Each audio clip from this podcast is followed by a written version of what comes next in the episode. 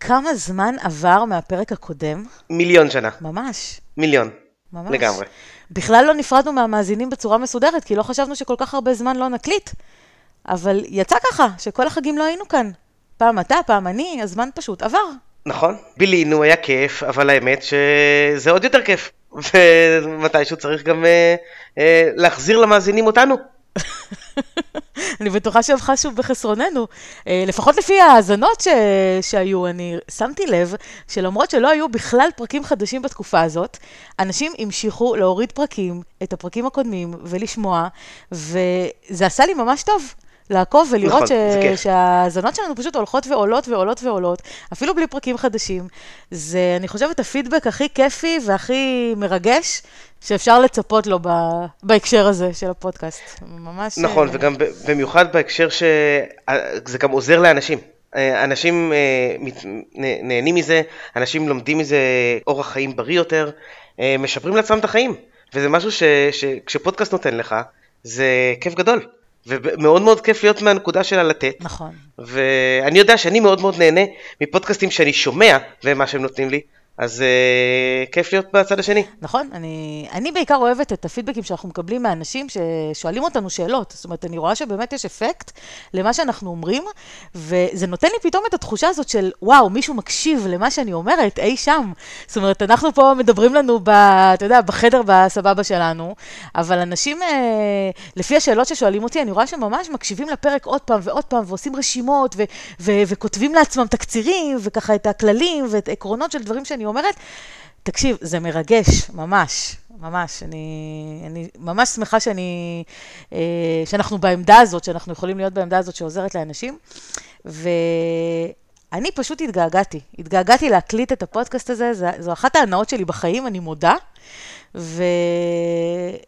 ואני רוצה באמת בהזדמנות הזאת להגיד למאזינים שלנו כמה אנחנו מעריכים אותם וכמה אנחנו שמחים שהם מפיקים תועלת ממה שאנחנו אה, מביאים פה ומה שאנחנו מדברים, כי זה פשוט, אה, פשוט כיף. פשוט כיף, וזה נותן לנו מוטיבציה להמשיך ופשוט לעשות את זה עוד. לגמרי. אז uh, נראה לי שאות וניתן להם uh, עוד קצת, עוד איזה פרק? סבבה. יאללה. לצאת מהמקרר, סיגל סיירס ואהרון אדלר מדברים בריאות. טוב, אנחנו מקליטים את הפרק הזה באוקטובר, ככה אחרי החגים, כמו שאמרנו, והחודש הזה הוא חודש המודעות לסרטן השד. אז חשבתי שאולי אנחנו נדבר קצת על סרטן היום, שזה נושא מאוד מאוד גדול, ואיכשהו עדיין לא תקפנו אותו. ואני חושבת שזה משהו שמאוד חשוב ככה לדבר עליו, כי יש לנו מה לעשות בעניין הזה. זה נכון. קודם כל הוא נוגע כמעט בכל אחד. כל אחד מכיר מישהו או שאיפשהו בסביבה, ו... וגם זה לא שלא יצא לנו להזכיר אותו. הרי אנחנו מדברים המון על תזונה והמון על אה, בריאות, ויותר מדי דברים גורמים לסרטן, חשודים כמסרטנים, בעייתיים, וכל הצבעי מאכל וכל האוכל התעשייתי וכל הדברים האלה, שזה אחת האזהרות הכי גדולות על אוכל. אז ברגע שאנחנו מדברים על אוכל, ישר אנחנו מדברים איכשהו על זה. אבל עד עכשיו באמת לא תקפנו את הנושא הזה ספציפית. נכון, אז uh, תזונה זה באמת משהו שקשור באופן ישיר uh, לסרטן, וזה לא רק העניין של מה גורם לזה, אלא אנחנו גם כל הזמן מדברים על איך להימנע מזה, זאת אומרת, אנחנו נותנים בתור, uh, כשאנחנו מונים יתרונות של כל מיני uh, סוגי מאכלים, אז אנחנו אומרים, זה עוזר למנוע סרטן. נכון, אנחנו מדברים המון על, uh, על נוגדי חמצון, נכון. ועל כל מיני חומרים ש, שעוזרים למנוע סרטן, אבל באמת לא דיברנו על הנושא הזה באופן uh, ספציפי. והעניין הוא שגם פעם סרטן היה מחלה נדירה. היו אומרים כזה בשקט, גילו לו את המחלה, או יש לו סרטן. היום... זה נקרא המחלה. המחלה, בדיוק. כן. כן. והיום... זו מחלה כבר הרבה יותר נפוצה. זאת אומרת, אנשים לא יודעים שחלק גדול מסוגי הסרטן, המקור שלהם הוא בכלל באורח החיים שלהם ולא בגנטיקה. זאת אומרת, סרטן זה לא גזירת גורל, אפשר להימנע ממנו באמצעות אורח חיים בריא. לא, לא מכל הסוגי הסרטן, כמובן, יש סוגים שהם כן גנטיים ויש נטייה משפחתית וסיכון גבוה יותר, אבל גם אז יש מה לעשות בשביל גילוי מוקדם שהרבה פעמים מציל חיים, וכדי למנוע את ההתפתחות ואת ההחמרה של המצב, אנחנו, יש הרבה דברים שאנחנו יכולים לעשות. את גם שומעת על יותר ויותר מקרים של אה, האיש שניצח את הסרטן כמה וכמה פעמים, האנשים ש, שאפילו זה, זה איפשהו בהיסטוריה שלהם שהיה להם סרטן והם החלימו ממנו. ועכשיו הם חיים את החיים שלהם אחלה. ו- וזה משהו שהוא, שככל שהוא נכנס זה, זה יותר ויותר מראה איזו התקדמות יפה אה, הרפואה שלנו עשתה, ו- ואורח החיים ש- שמאפשר את זה. ו... וזה רק ממלא מוטיבציה ללמוד את הנושא, להבין מה אפשר לעשות, כדי שבאמת, אם וחס וחלילה דבר כזה מגיע, לדעת איך להתמודד איתו, או כמה שיותר לדחות אותו. נכון. עכשיו, אני כן יכולה להגיד מתוך המקום שלי, בטיפול ברפואה טבעית, זה שהמטרה שלי היא למנוע את זה. זאת אומרת, אני פחות מעדיפה לטפל בזה כשזה כבר שם, מאשר למנוע את זה מראש. בכלל, גם ברפואה רגילה, אנחנו יודעים שהיום האג'נדה היא בעצם רפואה מונעת, במקום רפואה משקמת. זאת אומרת, הרבה יותר קל למנוע התפתחות של מחלה, מאשר לשקם ולרפא אותה אחרי זה. זה נכון מאוד, ואני גם בטוח שכל האנשים... מעדיפים למנוע משהו לעצמם מאשר לחלות בזה ולטפל בזה, אבל הבעיה היא שאתה צריך גם להיערך למצב כזה, או להיערך לטיפול במישהו שאתה מכיר, או דברים כאלה, כי אין מה לעשות, לצערנו זה, זה מגיע, אי אפשר להימנע מזה לגמרי. אבל לא, אז זהו, זה בדיוק מה שאני מנסה לומר, ששוב, אם אני שמה בצד רגע את כל סוגי הסרטן הגנטיים, שבאמת יש איזשהו גן שהוא אה, פגום ו- ואין מה לעשות, זאת אומרת, זה משהו ש- שקשה להתמודד איתו, אפשר, אבל, אבל מאוד מאוד קשה. כן, יש סוגי סרטן שמאוד מאוד תלויים באורח החיים שלנו, וכן אפשר להימנע מהם. אפשר לחלוטין להימנע מהם אם אוכלים את הדברים הנכונים. נכון, אבל הנ, נכונה. הנקודה החשובה במה שאת אומרת זה הסוגי סרטן. כי מצטער שאני מציג פה אה, דעה קצת אה, פסימית, אבל בסופו של דבר, גם אם את נמנעת מחלק מהדברים ו, וכן מצליחה לדחות את מה שאת יכולה, את הסוגי סרטן ש, שיש דרך למנוע אותם באורח חיים, יש דברים שאת עוד לא יודעת. יש אה, אנטנות סלולריות ויש אה, יש דברים שאנחנו עוד לא יודעים שהם מסרטנים, ואולי מסרטנים, ואולי יגלו בעתיד שמשהו מסרטן. אנחנו צריכים לדעת גם להתמודד עם משהו, בקיצור, אנחנו לא, לא, לא נוכל להניח שנצליח רק למנוע, צריך למנוע, צריך לנסות, אבל צריך גם ל, ל, להיות יכולים לטפל במצב כזה בהנחה שהוא מגיע. נכון, אבל מה שאני מנסה לומר זה שאם אנחנו מתנהלים נכון בחיי היומיום שלנו, עוד לפני שמשהו קורה, אנחנו יכולים להביא את הגוף שלנו למצב שבו הוא יהיה עמיד יותר ושהתפקוד שלו יהיה טוב יותר, בצורה כזאת שהיא תעזור לנו להימנע מלפתח את המחלה, למרות שיש גורמים סביבתיים שתומכים בהתפתחות של המחלה.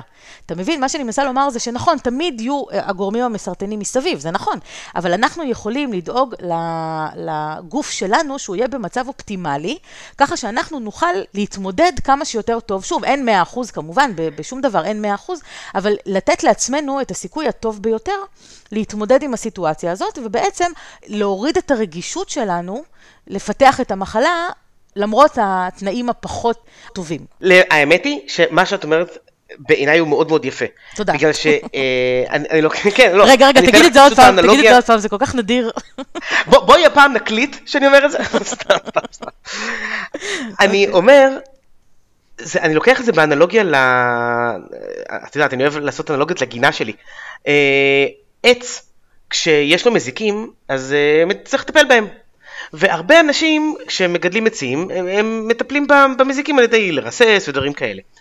מה שאומרים uh, בכל uh, הגישות המקצועיות הטובות יותר, זה תחזק את העץ. כלומר, תן לו בהתחלה את כל הדישון והמים והאור וכל מה שעץ צריך כדי להיות עץ חזק. ואז אתה לא תצטרך לטפל בבעיה של המזיקים, כי העץ ידע להתמודד נכון. עם המזיקים. זה לא שככה אתה תצליח למנוע מהמזיקים להגיע, לא. המזיקים יגיעו. אבל ברגע שהעץ חזק, ובאנלוגיה אלינו, כן, כל אורח החיים שלו בריא, והוא נהיה אה, עץ שיכול להתמודד עם דברים, אז הוא יתמודד כבר עם המזיקים, והמזיקים לא, לא יחסלו אותו. וזה משהו שבעיניי זה בדיוק מה שאת אומרת עכשיו על אנשים.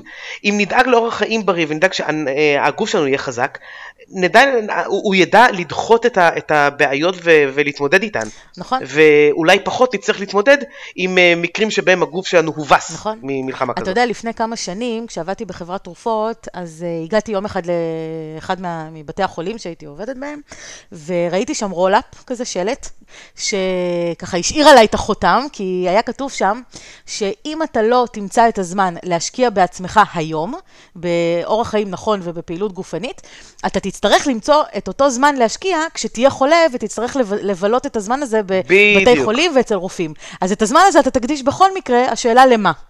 ואני בעד נכון. שעדיף להשקיע את הזמן הזה לפני, ולא אחר כך, שגם אחר כך זה פחות אפקטיבי. זה גם פחות אפקטיבי וזה גם הרבה יותר זמן. נכון.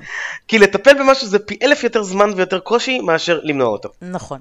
אז בוא, בוא נתחיל לדבר על סרטן, אוקיי? ובוא נראה מה זה בכלל. אוקיי. מה, מה זה בכלל סרטן? אנחנו מדברים על זה תמיד באופן ככה מאוד uh, כללי, קוראים לזה סרטן, מניחים שכולם יודעים מה זה אומר. בואו נראה מה זה. אז כמובן כל מה שאני אגיד לא יתחיל בכלל לתאר את ההיקף העצום של הנושא הזה, כן? זה נושא פשוט ענק, ו... אבל אני אנסה לפשט את זה כמה שיותר, כי אני יודעת שקשה לך להבין דברים מסובכים. זהו, כן. אז אני אנסה לעשות את זה כמה שיותר פשוט. גם, ב, גם תגידי לי במשפטים אה, קצרים ולאט, קצרים כדי ו- שאני אבין בגילי. כן. בקצב הכתבה. אוקיי, אז, אז אה, סרטן זה בעצם אה, שם מאוד מאוד כללי להמון המון מחלות, שמה שמאפיין אותן זה שהתאים בגוף שלנו מתחלקים בצורה שהיא בלתי מבוקרת. כלומר, יש הצטברות של תאים שיוצרת איזשהו גידול שהוא ממאיר, אה, זה מה שבעצם הופך את זה לסרטן, ובמקרים מסוימים חלק מהתאים האלה גם מצליחים לנדוד למקומות אחרים בגוף ויוצרים גרורות. עכשיו, באופן תקין, כשהכול בסדר, התאים בגוף שלנו מתחלקים באופן שגרתי, אוקיי? חלוקת תאים נקראת מיטוזה, והם פשוט מתחלקים, נכון? תא אחד הופך לשניים, שניים הופכים לארבעה, וכך הלאה. החל מיום היווצרות העובר, שבו תא זרע פוגש תא ביצית, הם מתאחדים, מתחילים להתחלק, נוצר עובר, אחרי זה תינוק. ככה הגוף שלנו הולך ונבנה עד יומנו האחרון. כל הזמן יש חלוקות של תאים. כל הרקמות והאיברים בגוף שלנו מתחדשים במהלך החיים באמצעות חלוקת תאים שיוצרת תאים חדשים, והם מחליפים את התאים הזקנים שמתים. כל הזמן חייב להיות איזון בין היווצרות של תאים חדשים לבין מוות וסילוק של תאים ישנים, כדי לשמור על האופי התקין של הרקמה.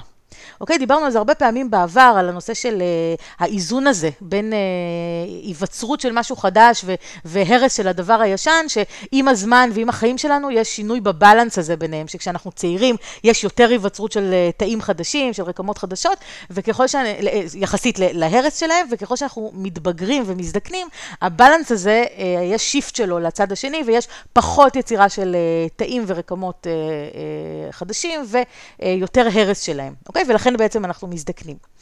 אה, אבל כל הזמן חייב להיות איזשהו איזון בין שני התהליכים האלה, ולכן שני התהליכים, חלוקת תאים שנקראת מיטוזה, כמו שאמרתי, ומוות של תאים, מוות מתוכנן או מתוכנת של תאים שנקרא אפופטוזיס, כבר הזכרתי את זה בעבר, אלה שני תהליכים שהם מאוד מאוד מבוקרים.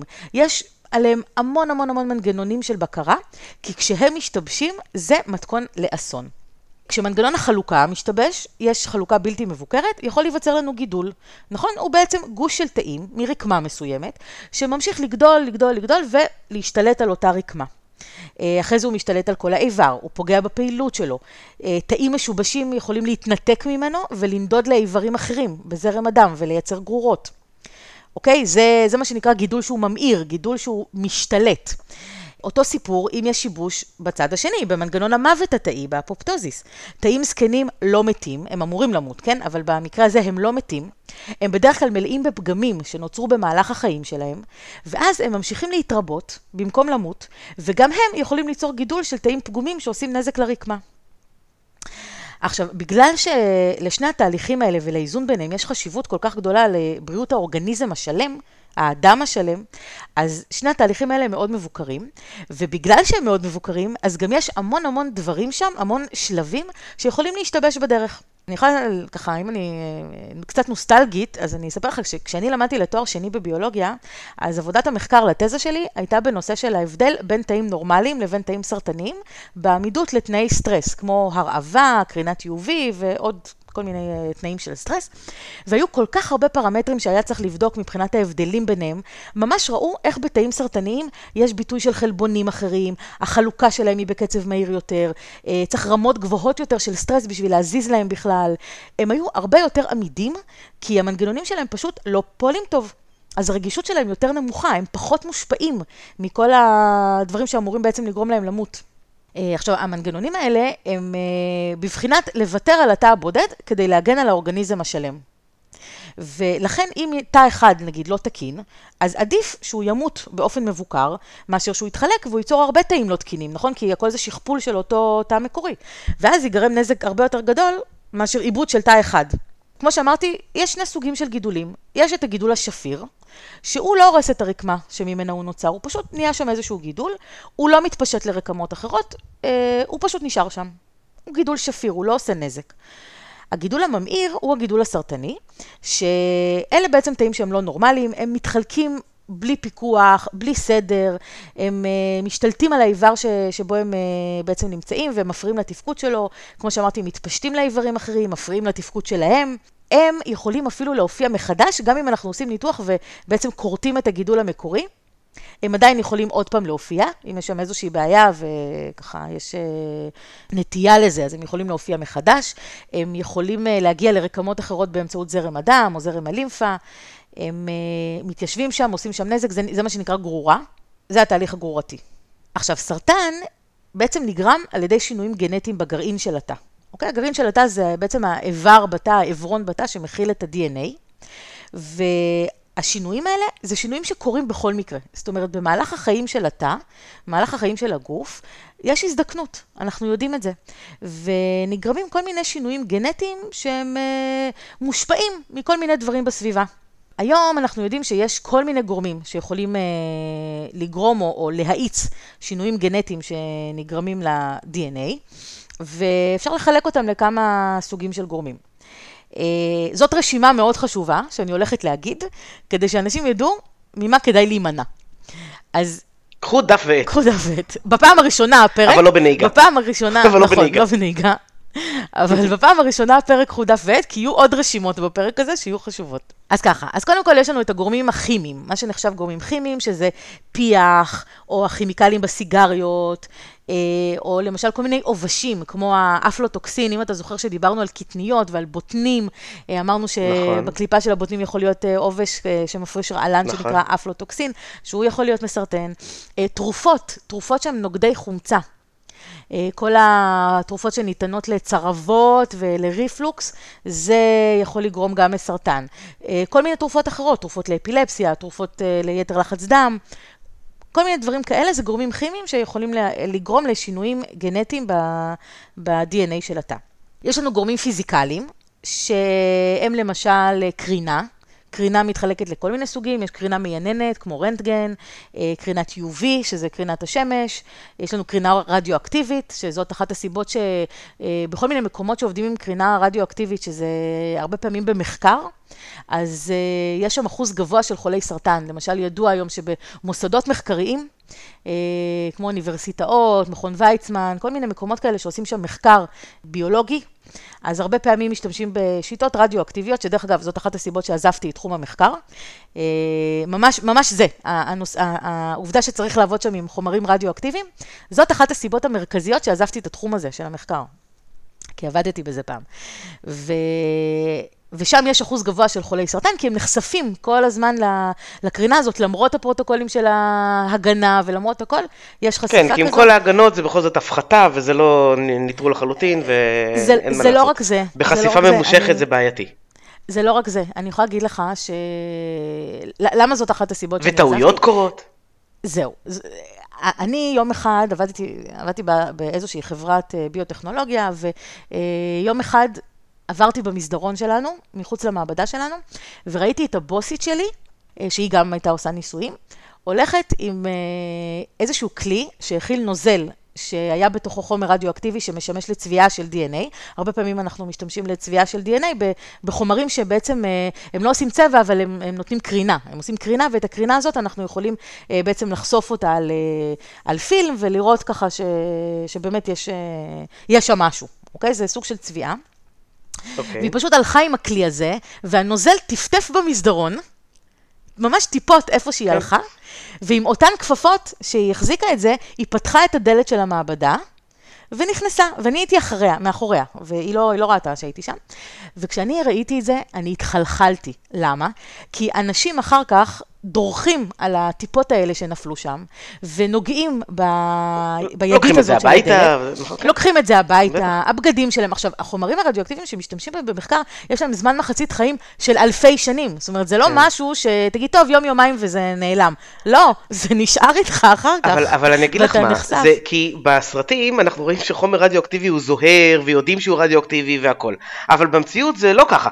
במציאות חומר רדיואקטיבי נראה כמו חומר אחר.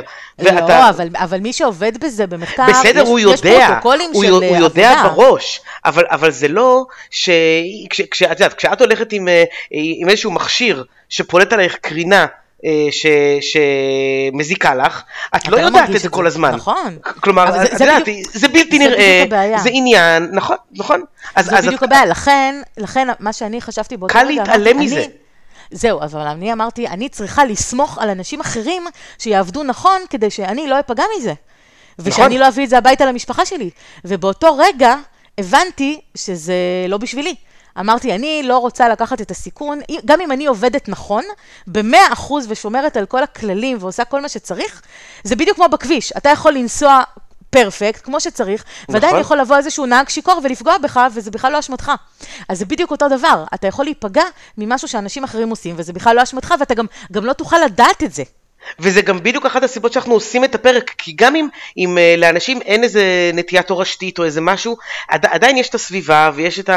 וצריך לחזק את עצמנו כדי להיות יכולים להתמודד עם נכון, דברים נכון, שאולי נכון. לא ייגרמו בגללנו, אולי ייגרמו בגלל אחרים, בגלל פיח של מכוניות, בגלל אה, אין סוף דברים. נכון, אבל במקרה הספציפי הזה, אין מה לעשות. אם מישהו הולך ומטפטף לך חומר רדיואקטיבי, נכון. ואתה נחשף לזה חמור, בלי נכון. לדעת, אז אה, לא- לא לא יעזור כל מה ואם שאתה היא הייתה. מועדת ושופכת את זה עלייך, לגמרי. נכון, וואי, זה, את- וואי. את תלויה באנשים אחרים, נכון, זה בעיה. נכון. טוב שהלכתי מאחוריה.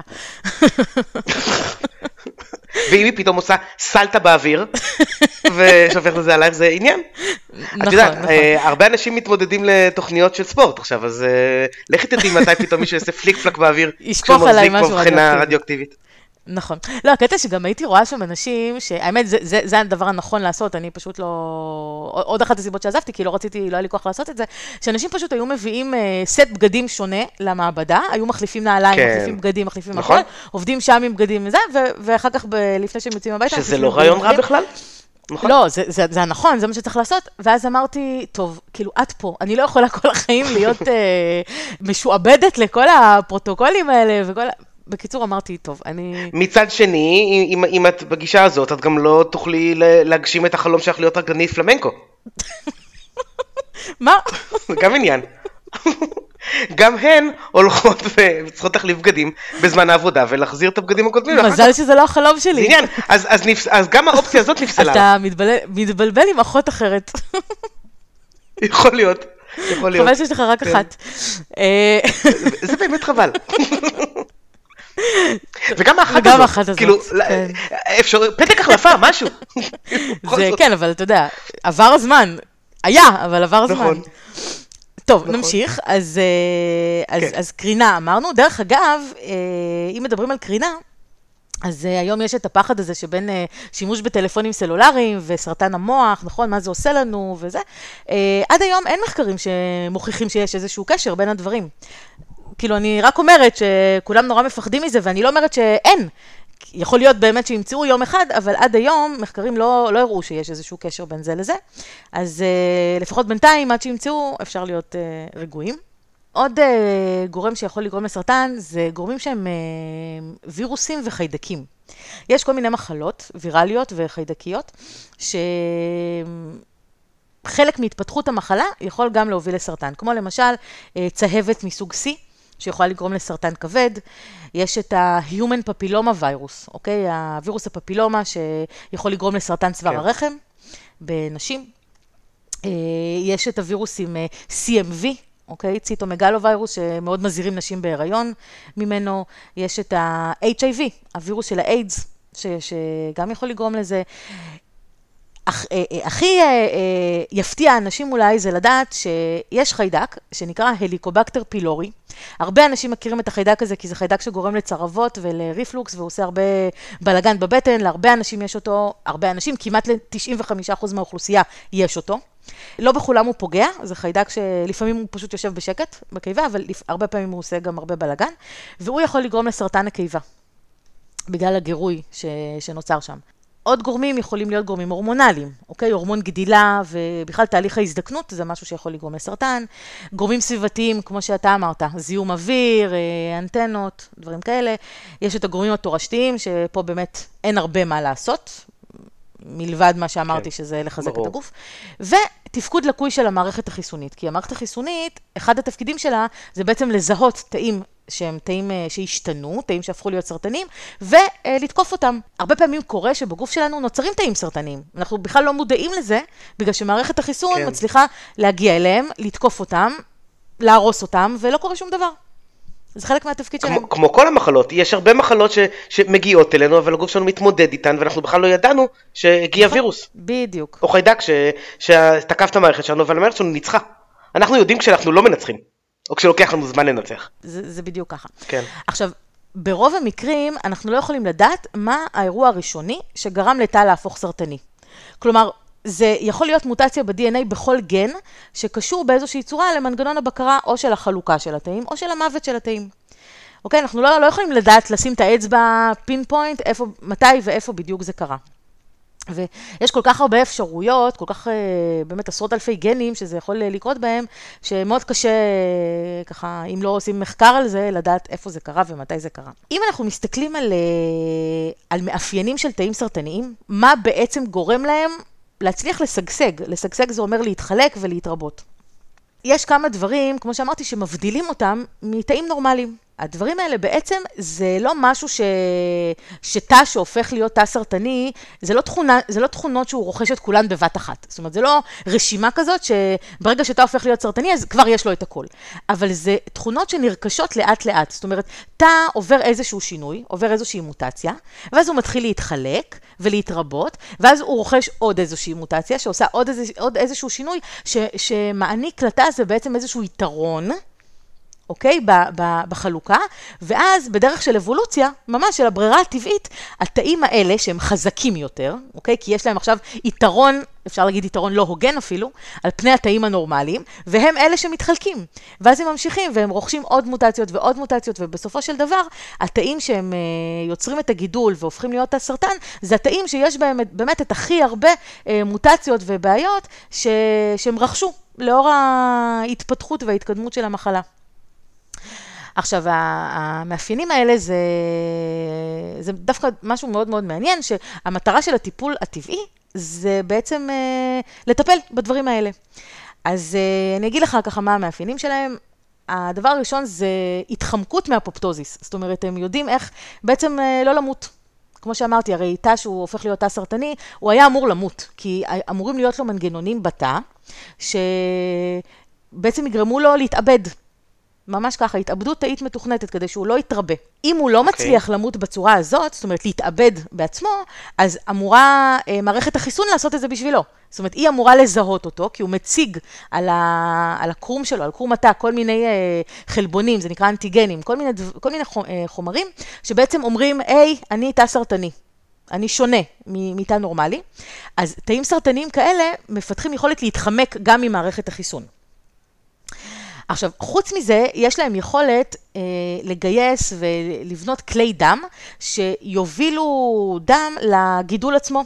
כי הרי ברגע שגידול גדל, אז יש הרבה יותר תאים, הוא נהיה גוש, הוא צריך יותר כלי דם שיביאו לו אוכל וחמצן, אוקיי? והוא צריך שיהיו כמה שיותר כלים שיצליחו להיכנס גם לתוך הגידול, כי הרי זה גוש, צריך להגיע גם לתאים שבפנים. ולכן, אם, אם הבעיה, מגיעה עכשיו גם עוד בעיה חדשה של להסיר את זה, כי עכשיו להסיר את זה עם כל כלי הדם, זה הופך להיות הרבה יותר מסוכן. נכון, וזה, ו, וחלק מה, מה, מה שאנחנו רוצים לעשות זה בעצם למנוע את ההתפתחות של כלי הדם האלה.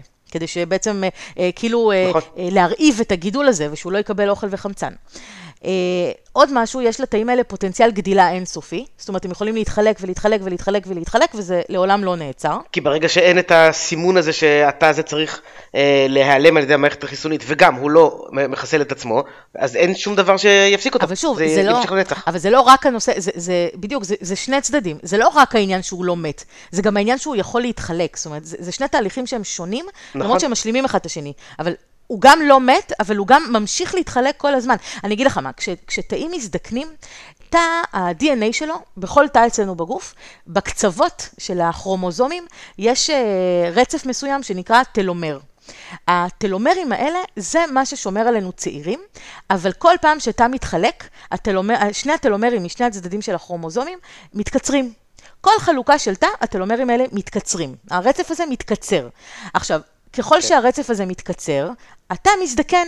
ברגע שהטלומר הזה נהיה מאוד מאוד קצר, או שהוא נעלם לגמרי, בעצם זה סימון לתא שהוא לא צריך להתחלק יותר, שהוא לא יכול להתחלק יותר, ואז הוא צריך למות. כל הנושא הזה של הטלומרים זה נושא שהוא מאוד נחקר היום במדע, כי זה, זה נושא שהוא בעצם, אה, אה, חוקרים אותו בנושא האנטי-אייג'ינג. כלומר, אחד מה... זהו, אחת כי אם זה סימון להזדקנות, אז בואו נעצור את ההזדקנות. בדיוק. אחת המטרות היום של המחקר באנטי-אייג'ינג זה איך אנחנו מונעים מהטלומרים האלה להתקצר. אה, עכשיו, לתאים הסרטניים יש את התכונה הזאת. יש להם את התכונה הזאת גם ככה. הם פשוט, אה, הטלומרים שלהם לא, לא מתקצרים. אז הם אה, פשוט ממשיכים להתחלק, כל הזמן ממשיכים להתחלק עוד ועוד. חוץ מזה, התאים האלה יודעים לייצר גם אה, פקטורי גדילה.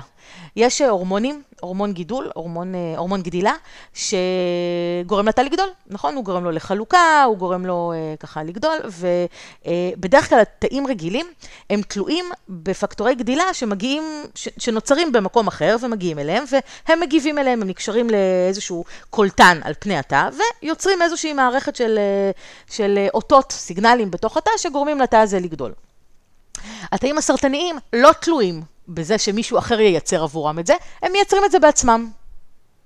ואז בעצם זה עוד אה, אה, מנגנון שמונע את הבקרה של איבר אחר על הגידול הסרטני. זאת אומרת, הוא פשוט אה, מזין את עצמו. זה כמו אה, משק אוטונומי. הוא פשוט דואג לעצמו לייצר את מה שהוא צריך. אה, יותר מזה... משק אוטרקי. משק אוטרקי, כן. עכשיו, אה, יותר מזה, הוא גם... אה, הם מאבדים את הרגישות שלהם למעכבי גדילה. זאת אומרת, יש גם חומרים שמעכבים את הגידול, שזה אחת הבקרות, והם uh, פשוט נעשים פחות רגישים לחומרים האלה. וכמובן שהם מפתחים יכולת לחדור לרקמות שכנות. זאת אומרת, הם לא אמורים, מן הסתם, תא עור לא אמור להיות מסוגל לחדור ל... לרקמה של תא כבד, סתם, לדוגמה, אוקיי? אבל הם מפתחים את היכולת לחדור לרקמות שכנות, הם עושים איזשהו שינוי ב... במולקולות האדהזיה, במולקולות החיבור שיש בין התאים, פשוט מצליחים להיכנס לשם. וברגע שתא שלא אמור להיות ברקמה, מגיע לרקמה הזאת, אז הוא עושה שם בלאגן. ו- ויכול ליצור שם גידול חדש, ובעצם הורס את כל התפקוד של אותו איבר.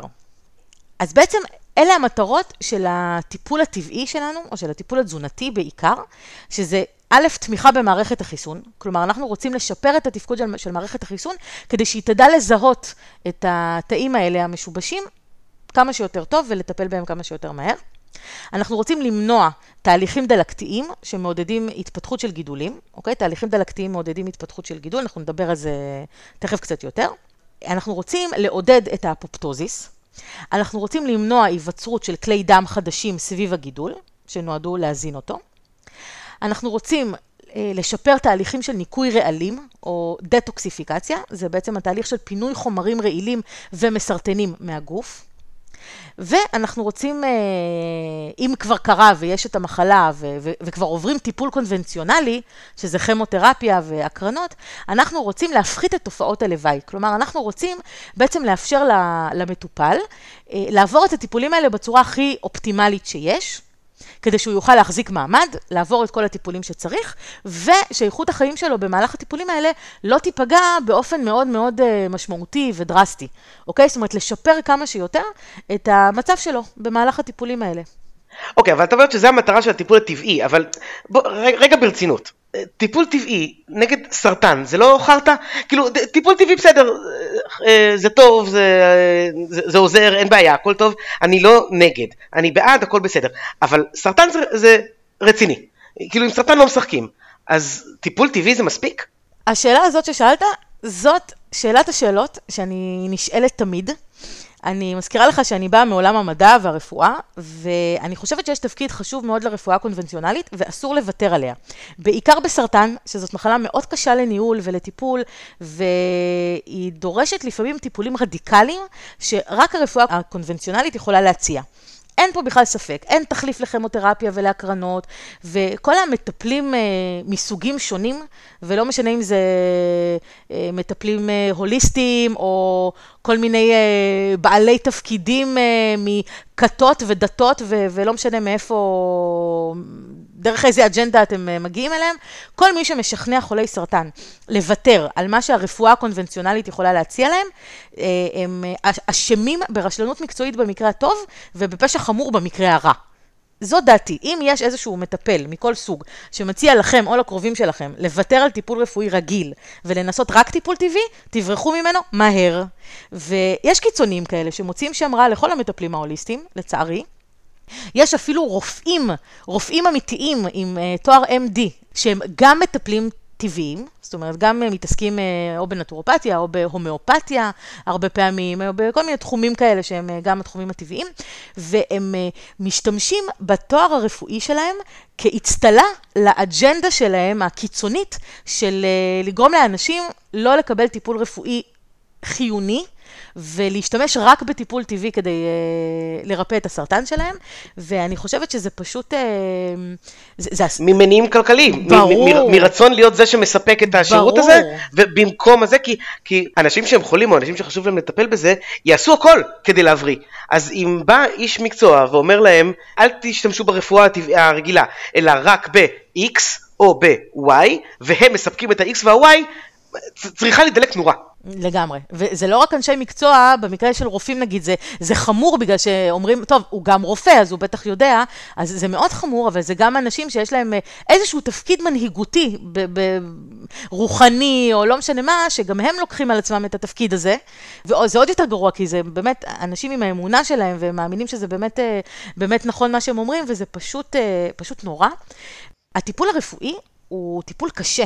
ויש לו השלכות קשות על איכות החיים של המטופל. זה משהו שכן אפשר להקל עם טיפול טבעי. נכון, אבל אני, אני יכול להגיד לך אגב שזה לא רק עניין של אה, אמונה ודברים כאלה, יש גם מקרים שבהם האנשים שלא ניגשים לטיפול אה, תרופתי ברפואה הרגילה, אה, עושים את זה בגלל שהם באורח החיים שלהם לא לוקחים תרופות, שזה משהו שאת יודעת באופן כללי סבבה, אל תיקח תרופות אם אתה לא חולה, בסדר, זה טוב, אבל, אבל הם אה, באורח חיים של לא לקחת תרופות, אלא רק טבעי, ואז במצב כזה, אני מאוד נגד זה במצב שגילית פתאום סרטן, ועכשיו ב, ב, בשם הלא לקחת תרופות, אתה הולך לטיפול שהוא רק רק רק טבעי, ואתה מנחש שזה יעזור, אתה מאוד מאוד מקווה, פשוט אני חושב שהעלות במצב שזה לא עזר, שאתה מגלה שטעית, היא קטסטרופלית. ברור, אבל זה כבר עניין של שיקול של הבן אדם עצמו. זאת אומרת, זה, אתה יודע, אנחנו יכולים להסביר ו- ו- ולהגיד כמה זה חשוב לעשות שילוב, אבל uh, אם הבן אדם עצמו מחליט, לא בגלל שמישהו יעץ לו לעשות את זה. לא, אבל זה, זה לא, זה רק במצב שהבן אדם הזה נופל על מישהו שמספק לו אפשרות, אה, או, או לפחות אה, אה, אה, אמונה, שהפת... שהפתרון שהוא רוצה, הטבעי בלבד, יעזור לו. נכון. אם כן, כי, אם כי אני יכולה להגיד לך שיש אנשים שמגיעים והם בעצמם מחליטים שהם לא רוצים ל... ללכת לרפואה קונבנציונלית, ולמרות שהמטפל עצמו לא הציע להם דבר כזה, אה, הם אומרים, תקשיב, אני לא רוצה, אני לא רוצה, אני מבקש שתעזור לי רק ב... ב... בתחום הטבעי, זאת אומרת, אני רוצה איזשהו טיפול טבעי הכי טוב ש... שאני יכול לקבל, אני מחליט לא, לא ללכת לרפואה קונבנציונלית, בוא רק תעזור לי. זה משהו אחר, זה המטפל, אין לו מה לעשות. זה מובן. אנשים בגירים שהחליטו בשביל עצמם, קיבלו את הדעות, שמעו מה, מה, מה יש ומה, ומה ישפר להם את המצב, והחליטו בעצמם לפי איזשהו, איזשהו מנגנון החלטות, זה בסדר, זה באמת בסדר, זכותם. כל אדם הוא אחראי על עצמו. אבל אני, אני בא מהנקודה שאני דואג למי שנתן את העצה. מי שנתן את העצה היה הלא בסדר. נכון, זה אמרנו, אני גם חושבת שגם אם מגיע כן בן אדם ש, שמעדיף לא לטפל ברפואה קונבנציונלית ולטפל רק בטבעי, עדיין אני חושבת שתפקידו של המטפל הוא כן לנסות לשכנע נכון. אותו לא לוותר על זה, מתוך אינטגריטי מקצועי, כי זה באמת לא נכון לוותר. הדרך הנכונה זה לעשות שילוב של רפואה קונבנציונלית יחד עם רפואה טבעית. אני חושבת שהמושג רפואה משלימה מעולם לא היה נכון יותר כמו במקרה של סרטן. נכון. כי היא באמת, הרפואה הטבעית משלימה את מה שהרפואה הקונבנציונלית יכולה לתת. סרטן זה משהו שדורש טיפול רדיקלי. אין ספק שרפואה טבעית עוזרת, היא עוזרת למנוע, היא עוזרת אה, אה, לשפר את המצב, אבל בלי טיפול רדיקלי, שיכול להיות או ניתוח להסרת הגידול, או הקרנות וכימותרפיה, הסיכוי הוא קטן. נכון, יש סיפורים יוצאי דופן על כל מיני אנשים אה, יחידי סגולה, שהצליחו לרפא את עצמם מסרטן, יש אה, סיפור על איזה אישה שעשתה את זה, ואיזה איש שעשתה את זה, כל מיני כאלה שהצליחו לרפא את עצמם מסרטן רק עם חשיבה חיובית ותזונה נכונה. כן, אבל כמה, כמה אנטי אוקסידנטים את צריכה לאכול כדי להסיר גידול שיש לך בגוף? בואי. זה, זה, זה לא זה. בסדר, אני אומרת, יש, יש סיפורים כאלה, זה לא שאין, יש סיפורים כאלה, יש אנשים שמאוד התפרסמו, אה, אפילו יש איזו רופאה אחת, ש, שאני לא זוכרת את השם שלה כרגע, אבל איזו רופאה אחת שסיפרה שהיא אה, רק באמצעות אה, אורח חיים נכון, זאת אומרת, שינוי כל אורח החיים שלה, היא נרפאה מסרטן, יש כל מיני סיפורים, אבל זה כל כך נדיר, ובאמת, אני לא ממליצה לנסות את זה בבית, וכן לעשות כל מה שאפשר בשביל, אה, בשביל לרפא את, ה, את המחלה הזאת. אז, אה, אז באמת, לנצל את הרפואה הקונבנציונלית, לנצל את הרפואה הטבעית, לעשות שילוב ביניהם, זאת הדרך הנכונה. כמו תמיד, זאת הדרך הנכונה, השילוב הזה, בשביל זה זה קיים. טוב, אז עכשיו, אחרי ששכנעתי אותך, שצריך, אה, שכן צריך את הרפואה הטבעית והיא כן יכולה לעזור, אני מקווה ששכנעתי אותך. שכנעתי אותך? לא, לא, שכנעת אותי לגמרי. אני, אני כן חושב שהיא צריכה להשלים, כמו שהיא רפואה משלימה. היא צריכה להשלים, ואני אשמח לשמוע איך להשלים, אבל, אבל כל עוד שמנו מאחורינו את העובדה שזה לא במקום. לא, זה לא במקום, זה לא בנוסף, במקום. אז עכשיו כשזה בנוסף ויכול לעזור, איך, איך אנחנו עוזרים? בוא נלך רגע לבסיס, לא, איך מתפתח כל הסרטן הזה, ובכלל מחלות, אוקיי? לא רק סרטן, אלא בכלל מחלות שמתפתחות לנו בגוף. אה, אז כמו שאנחנו יודעים היום, אורח החיים שלנו הוא מאוד מאוד משפיע בעניין הזה. התזונה המערבית, כמו שאנחנו מכירים אותה היום בעידן השפע, עושה לנו הרבה דברים לא טובים בגוף, אוקיי? כל הג'אנק פוד שאנחנו אוכלים. זה גורם לנו לרמה גבוהה של דלקת בגוף, ואנחנו רוצים קודם כל להפחית את רמת הדלקת. דלקת היא בעצם תגובה של מערכת החיסון לאיזשהו גירוי בגוף. עכשיו, בדרך כלל דלקת זו תגובה פיזיולוגית שהיא תקינה, אוקיי? זה משהו שמערכת החיסון עושה כדי להיפטר ממשהו שהוא לא טוב, משהו שהיא מזהה אותו כלא טוב. ובגוף תמיד יש לנו רמה נמוכה של דלקת, שבעצם שומרת את מערכת החיסון על אש קטנה ומוכנה לפעולה. וזה בסדר, זה תקין. אבל אם רמת הדלקתיות בגוף עולה, זה כבר לא טוב. וזה יכול להיגרם ממזונות מעודדי דלקת שאנחנו אוכלים, כמו למשל ג'אנק פוד וסוכר. זה עיקר המזונות שאנחנו אוכלים והם מעודדים עלייה של רמת הדלקת בגוף שלנו. עכשיו, למה זה כל כך בעייתי? כי דלקת יכולה לגרום לפגיעה ב-DNA, בחומר התורשתי שלנו, באמצעות יצירה של רדיקלים חופשיים. דיברנו כבר על המושג הזה, נכון? אני לא צריכה להסביר את זה עוד פעם. רדיקלים חופשיים עושים לנו שמות בגוף, פוגעים בהרבה מולקולות, אה, גורמים נזק לאיברים. וכשהגוף בעצם לא מצליח לתקן את הנזקים האלה, וכשהוא לא מצליח לווסת את התהליך הדלקתי, אז בעצם יש יותר פוטנציאל שיווצרו גידולים סרטניים מכל מיני סוגים מסוימים. אוקיי, למשל סרטן המעי הגס, סרטן הרחם, סרטן כבד, סרטן ושת, זה, זה כל מיני סרטנים שהם uh, מאוד מושפעים מרמת הדלקת. זה בגוף. בעצם מצב שבו יש יותר פושעים ברחובות מאשר שוטרים שיעצרו אותם. ואז הפושעים מתחילים לעשות נזקים. כן, זה לא רק עניין כמותי, זה עניין של שוטרים שהם לא אפקטיביים. זאת אומרת שהם לא, לא עובדים כמו שצריך, אפילו אם יש הרבה. יש סוגי סרטן אחרים שהם עצמם מה שמייצר את הסביבה הדלקתית. זאת אומרת, הם יוצרים את הסביבה הדלקתית, וזה מה שמקדם את ההתפתחות שלהם, את ההתפתחות של הגידול, את היצירה של כלי דם. יצירה של כלי דם זה תהליך שנקרא אנגיוגנזה, או אנגיוגנזיס, אז אם אני אגיד את זה לפעמים, תדע למה הכוונה. אה, הם מקדמים תהליך של אה, שליחת גרורות, הם משבשים את התגובות החיסוניות, וגם את התגובות לטיפולים כימותרפיים, וכל מיני טיפולים ש... שככה מקובלים ברפואה. בגלל שדיברנו על בדיקות מעבדה בפרקים הקודמים, אני אזכיר לך פרק 11 ו-12 דיברנו על בדיקות מעבדה, אז אני אזכיר פה בדיקה שלא דיברנו עליה, ונקראת CRP. CRP זה ראשי תיבות של C-Reactive Protein, זה חלבון שמהווה סמן לרמת הדלקת בגוף באופן כללי. זאת אומרת, לא באיבר ספציפי, אתה לא יכול לדעת איפה הדלקת כשאתה רואה שיש אה, CRP, אבל אם בבדיקת דם יש CRP גבוה, ואנחנו רואים את זה כי זו בדיקה שגרתית, זאת אומרת, נותנים את זה הרבה פעמים ככה כחלק מהבדיקות, זה אומר שאיפשהו בגוף יש דלקת, ואז מתחילים לחפש איפה. בדרך כלל זה מקביל לכאבים שאנחנו מרגישים ולתלונה הראשונית שלנו. אז אם אנחנו באים עם כאבים נגיד בכתף, ואנחנו מגלים שיש CRP גבוה, אז אנחנו אומרים, אוקיי, אז כנראה שזה דלקת באזור הזה. זה איזשהו מדד שיכול להגיד לנו שיש, שיש דלקת, ונמצא שבחולי סרטן יש רמה גבוהה של החלבון הזה. אה, אני, למה אני אומרת את זה? אני אומרת את זה פשוט כדי שאנשים שרואים אה, בדיקות דם, אז שידעו אה, להסתכל על זה. זה לא אומר כמובן שיש CRP גבוה, לא כל פעם שיש CRP גבוה, זה אומר לא, שסרטן, יש הרבה פעמים שה-CRP גבוה. לא, זה... נכון, לא, לא, לא, זה, זה מדד נכון. לדלקת באופן כללי, זה יכול להיות גם סתם דלקת באיזה נכון. גיד ברגל, זה לא, זה לא קשור, אבל זה איזשהו סמן שאופייני אה, גם לחולי סרטן, יש שם רמה גבוהה שלו. כמו שאמרתי, התזונה שלנו היום היא מעודדת דלקת, והיא משפעלת תהליכים דלקתיים, זאת אומרת, היא גורמת בעצם להיווצרות של תהליכים דלקתיים בגוף שלנו. איזה תזונה למשל? למשל, בשר, שמכיל חומר שנקרא חומצה ארכידונית, שזה חומר שהוא אה, מגביר סיכון לסרטן המעי הגס וסרטן החלחולת. נקרא בקיצור סרטן קולורקטלי. בגלל זה אומרים שלא טוב לאכול הרבה בשר אדום. אוקיי. אה, חומצות שומן מסוג אומגה 6. אם אתה זוכר, דיברנו בהמון על היחס בין אומגה 6 לאומגה 3. בדיוק, נכון, בדיוק. ו- ואמרנו, למה היחס הזה חשוב? כי אומגה 3 בעצם אה, גורמת לייצור של חומרים אנטי-דלקתיים, ואומגה 6 גורמת לייצור של חומרים פרו-דלקתיים, חומרים מעודדי דלקת. כן. לכן היחס ביניהם חשוב, אנחנו צריכים שיהיה כמה שיותר אומגה 3, יחסית לאומגה 6. יש יחס מסוים, שזה 1 ל-6, זה מולקולה אחת של אומגה 3 לפחות על כל 6 מולקולות של אומגה 6. אה, אם אנחנו אוכלים יותר מדי מזון שמכיל אומגה 6, זה יכול להגביר את הסיכון לסרטן השד. וכמובן, כמו שאני תמיד אומרת, צריכה גבוהה של שומן טראנס, שהיא גרועה בכל רובד אפשרי, היא מקושרת עם סיכון מוגבר גם לסוגי סרטן אה, קולורקטלי, זאת אומרת, סרטנים של מערכת העיכול ופי הטבעת, כל, ה, כל האזור הזה של אה, מאיפה הדברים האלה יוצאים החוצה. כן. אמ, אז בעצם, מה זה תזונה שהיא נוגדת דלקת? זאת אומרת, אני, אני, אנחנו אומרים ברפואה הטבעית, בואו תאכלו אוכל שבעצם מונע דלקת. אם התזונה המערבית, בעידן השפע, גורמת לנו לאכול אוכל שהוא מעודד דלקת, אנחנו יכולים ליצור לעצמנו תפריט שהוא נוגד דלקת, ובעצם לסתור את הפעולה של כל אה, שאר הג'אנק פוד. כמובן שהמטרה היא לא לאכול ג'אנק פוד בכלל, אוקיי? אני תמיד אומרת. ופה נכנסים לתמונה האנטי-אוקסידנטים. גם, לא רק. זה חלק אוקיי, מהדברים. אוקיי.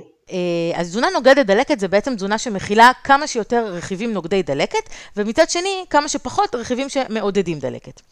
עכשיו, יש הרבה חומרים פעילים שנמצאו אה, כבעלי השפעה מעכבת דלקת, מונעת סרטן, אה, נוגדת סרטן, ו... מה שמצאו במחקרים, תכף אני אתן לך ממש רשימה של, ה, של המאכלים שאנחנו, שכדאי שנאכל, אבל אני רק רוצה להגיד לך שבמחקרים נמצא שתזונה שמבוססת בעיקר על מזון מן הצומח, שזה צמחונות, טבעונות, דגים, דברים כאלה, דגים, כאילו, לא מהצומח, אבל אתה יודע, לא, לא בשר הכוונה. כן. זה יכול להפחית מדדי דלקת. אה, בדקו השפעה של תזונה ים תיכונית, נכון? אמרנו באחד הפרקים, היה את הפרק על הדיאטות, ואמרנו שתזונה ים תיכונית, דיאטה ים תיכונית, זאת הדיאטה הכי מומלצת היום. היי, ספוילר, שילכו וישמעו. אז הנה, אני, אני מודדת... אנחנו לא נגלה איזה דיאטה היא הכי טובה, בואו נגיד שזה באזור הגיאוגרפי שלנו. באזור הים התיכון. כן, אוקיי.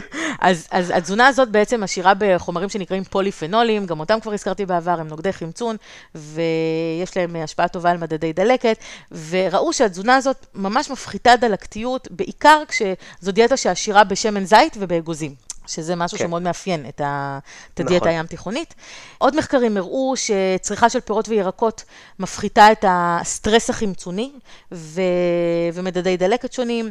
אה, מחקרים הראו שדיאטה שכוללת מוצרי סויה ודגים.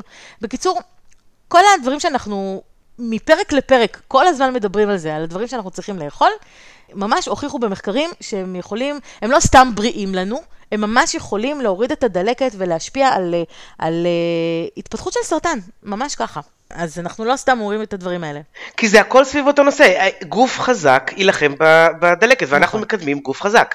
גוף חזק זה באמצעות אוכל נכון. בריא, זה האוכל הבריא. אז uh, חפרנו על נושא של סרטן, אוקיי? הבנו, שכנענו שתזונה בריאה זה אחד הדברים שיכולים uh, למנוע. אז מה בעצם כדאי לאכול או לא לאכול כדי למנוע או לשפר מצב של סרטן, נכון? זה, זה התכלס. בסופו של דבר אנחנו הרי מנסים תמיד שהפרקים שלנו יהיו מאוד uh, פרקטיים, ואנחנו ככה ניתן טיפים לאנשים מה לעשות, מה לא לעשות, כדי שיוכלו לקחת את הדברים האלה הביתה ו- ולהשתמש בהם.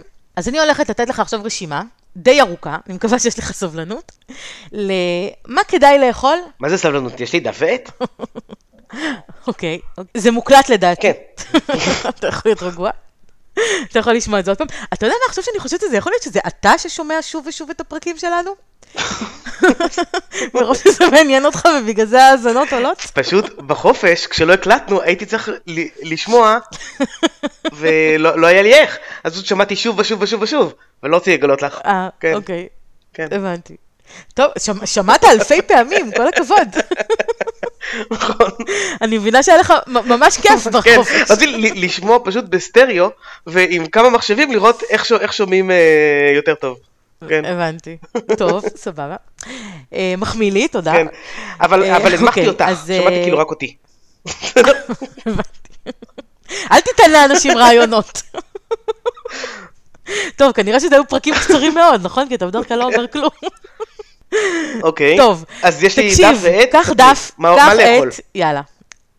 יפה. אז קודם כל, נתחיל בלשתות הרבה מים, או, או, עם זה אני יכול להזדהות. מפתיע אותך, עם זה אני יכול נכון? להזדהות. סבבה. מים, מים, מים. אם מישהו. יצא מכל הפרקים שלנו עם משהו, תשתו מים. טוב, אני מקווה שיצאו עם עוד כמה דברים. שרק לשתות מים, אתה אבל יודע. זה חשוב. בשביל מים לא- לא. בשביל מים לא צריך להקליט 19 פרקים. בסדר, נכון. מספיק שלושה. אבל, אה, אבל זה לא אנחנו רק, מבינים שצריך מים. זה, לא- זה לא רק הנושא של לשתות מים, רצוי לשתות מים מסוננים. מים מסוננים בעיקר במנגנון של אוסמוזה הפוכה, שזה המכשירים שאנחנו מכירים. אה, עדיף לא להשתמש בבקבוקי פלסטיק. כל המים המינרליים שמגיעים לנו בבקבוקים, נכון. עדיף לא להשתמש בזה.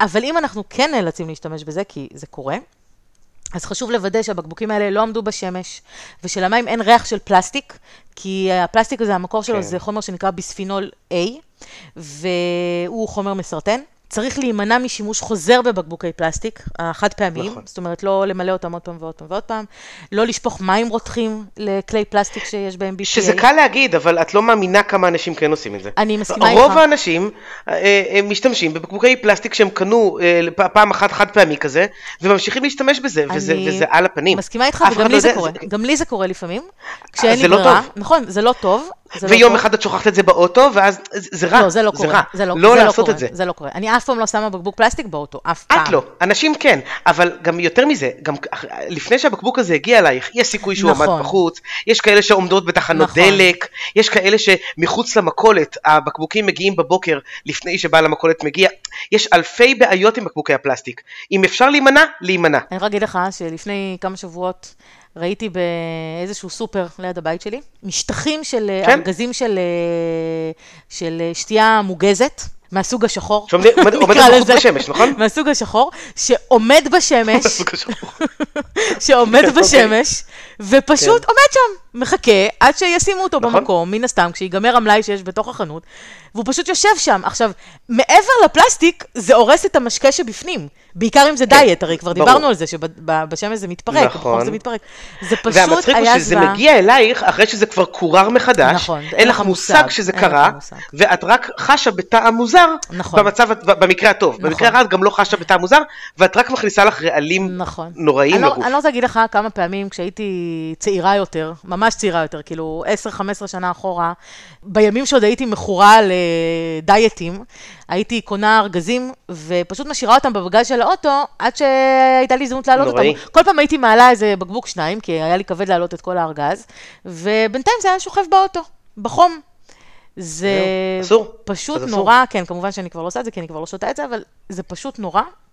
וצריך מאוד מאוד להיזהר מה, מהדבר הזה. Uh, הדבר הבא זה אומגה 3. אני חוזרת אליו, הזכרנו אותו, אני חוזרת לזה שוב, כי זה סופר סופר חשוב. זאת חומצת שומן חיונית, היא מפחיתה תהליכים דלקתיים בגוף, היא מאזנת גדילה של תאים, היא משפיעה על קרישיות הדם. יש לה כל כך הרבה אה, תכונות טובות, שצריך ממש להשתדל באופן מיוחד לצרוך אותה. יש אומגה 3 ב... בדגים, אנחנו יודעים כבר שבדגי ים צפוני, נכון? בסלמון ו... כן. אוקיי. עכשיו, מה שכן, אם אנחנו כבר מדברים על זה, אז עדיף לצרוך דגים טריים, כמובן טריים, שהם אה, קטנים עד בינוניים, לא את הדגים הגדולים. בכלל עדיף, כי, כי ככל שבעל חיים הוא יותר קטן והוא נמצא יותר נכון. למטה בשרשרת המזון, זה אומר שהוא אכל פחות דברים מתחתיו. נכון? אלה שנמצאים למעלה, במעלה כן. שרשרת המזון, שדרך אגב זה אנחנו, אנחנו נמצאים הכי למעלה, אנחנו אוכלים את כל הג'אנק שכל בעלי החיים מתחתנו כבר אכלו. ו- ואלינו זה מגיע אחרי שזה כבר אסף את כל הרעלים, את כל המתכות, את כל הדברים שכל בעלי החיים למטה אכלו והצטברו אצלם, אנחנו בסוף אוכלים את זה. נכון. לכן עדיף לנו לאכול את ה... דווקא את בעלי החיים, אם אנחנו אוכלים בעלי חיים, אז את בעלי החיים שנמצאים הכי למטה בשרשרת המזון, שהם עוד לא הספיקו לאסוף את כל הרעלים והדברים שאנחנו לא צריכים אה, לקבל. נכון. אז דגים קטנים, כמו אה, אנשובי, מקרל, אז האג'נדה שלך היא בעצם שאנשים יאכלו חרקים, נכון? לא, זה כיף. לא, יש גבול. מה, הם אוכלים עלים ו- וצמחים, לא, בסדר, מבין הדברים. שאנחנו אוכלים הכוונה. אין צוחק. אה. עכשיו אני אוקיי. אגיד, אני אתן לך עוד טיפ. אני בכלל אשתדל על כל דבר שאני אומרת, לתת לך איזשהו טיפ ש... שיש לי תחושה שאתה לא יודע. אז, אה, כי, כי הרעיון שלנו הוא הרי אה, להביא מידע חדש לאנשים. אז הדגים כן, האלה, נכון. הקטנים, הם חיים במים קרים, ולכן הם מפתחים שכבת שומן עבה יותר. אוקיי? כדי להגן על עצמם, ולכן הם מכילים יותר אומגה 3, כי אומגה 3 זה חומצת שומן, אוקיי? זה שומן. אז חשוב לאכול כן. את שכבת השומן הזאת, זה מה שבדג, יש לו צבע חום, שהרבה פעמים אנשים מוציאים את זה, כי זה לא כל כך, לא כל זה כך החום של אטרקטיבי. הסלמון? אז לא לזרוק את זה, בסלמון החלק כן. החום זה זה? לא, לא לזרוק את זה, לאכול את זה, אני אוטומטית מוציא אותו. אני יודעת. ברגע שאני מתחיל לאכול את- הסלמון, אני אוטומטית מוציא אני אותו. יודעת. אז הנה, למדת משהו חדש, ידעתי שאני אצליח ללמד אותך היום משהו חדש. יש עוד הרבה דברים בהמשך. stay לא tuned. הוא לא טעים. מה חשוב טעים? העיקר שזה בריא. לא, אני לא חושבת שהוא לא טעים, אני חושבת שאין לו טעם בכלל. אני לא, לא הרגשתי אף פעם טעם מיוחד בזה. אולי קצת המרקם אוקיי? שלו אני ככה לא מודה נעים. שחידשת לי. מודה שחידשת לי. לא בטוח שאני אקח את הטיפ הזה איתי, אבל סבבה. כן. טוב.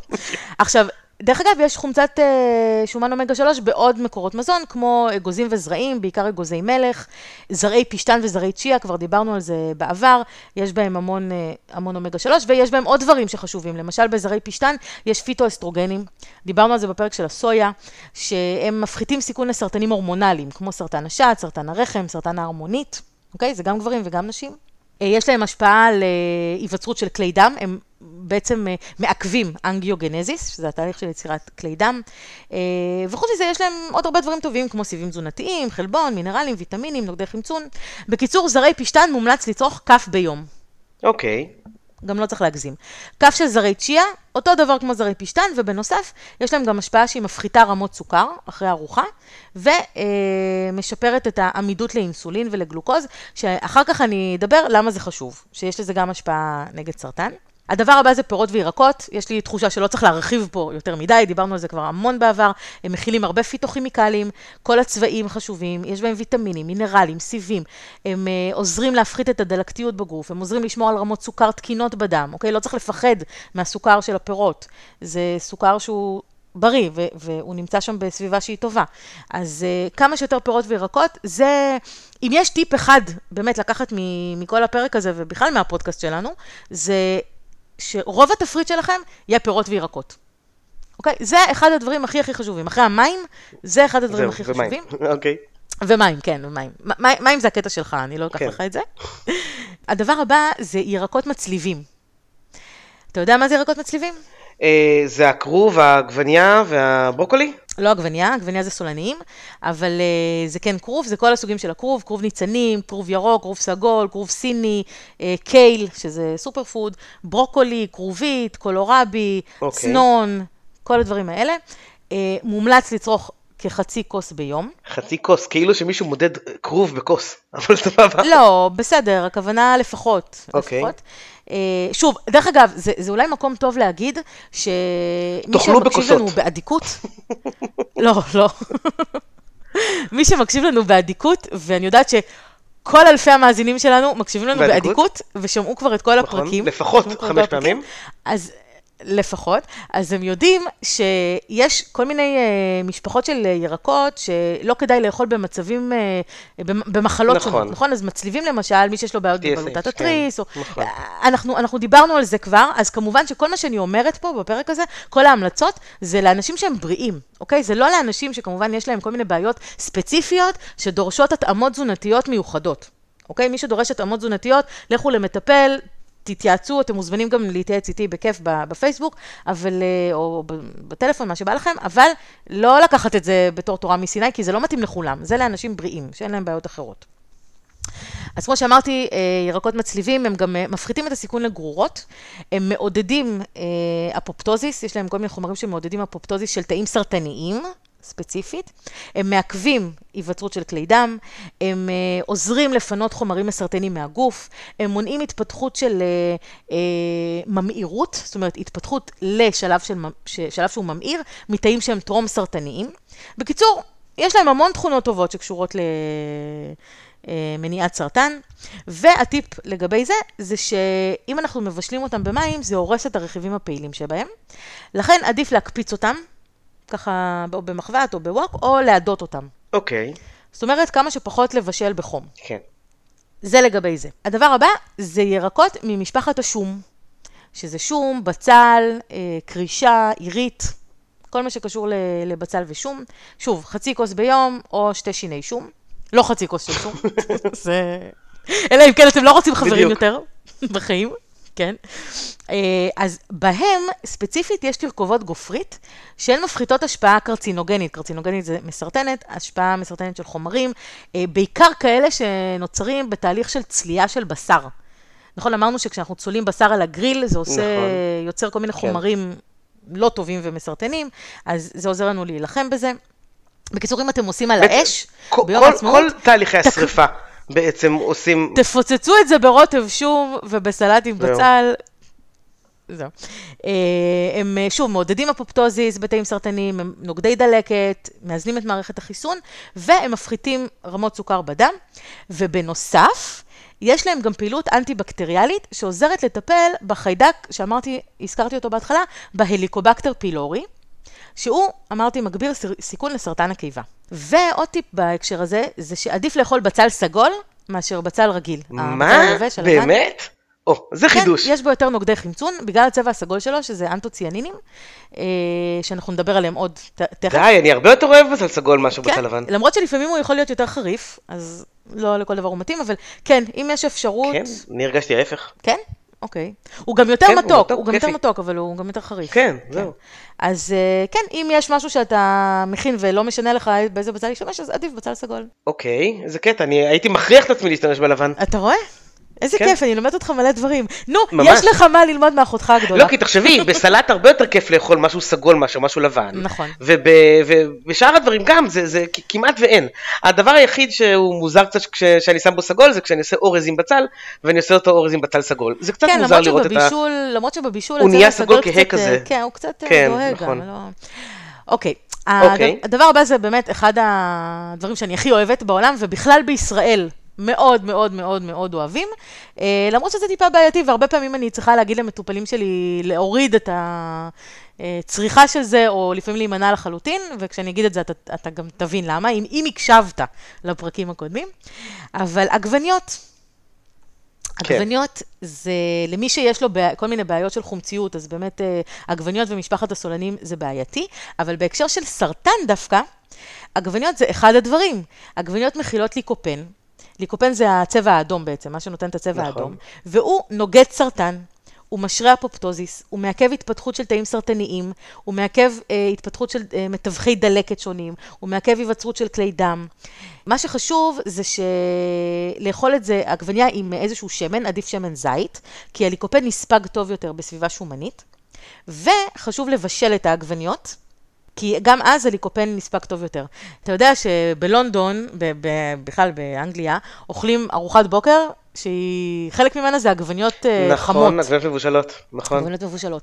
עכשיו, לפני כמה שנים אה, הייתי שם ב- בטיול, וזה היה מין טיול כזה של אה, לנסוע ממקום למקום, ובכל מקום למצוא איזה צימר ללילה, וככה לישון שם לילה אחד ולהמשיך הלאה.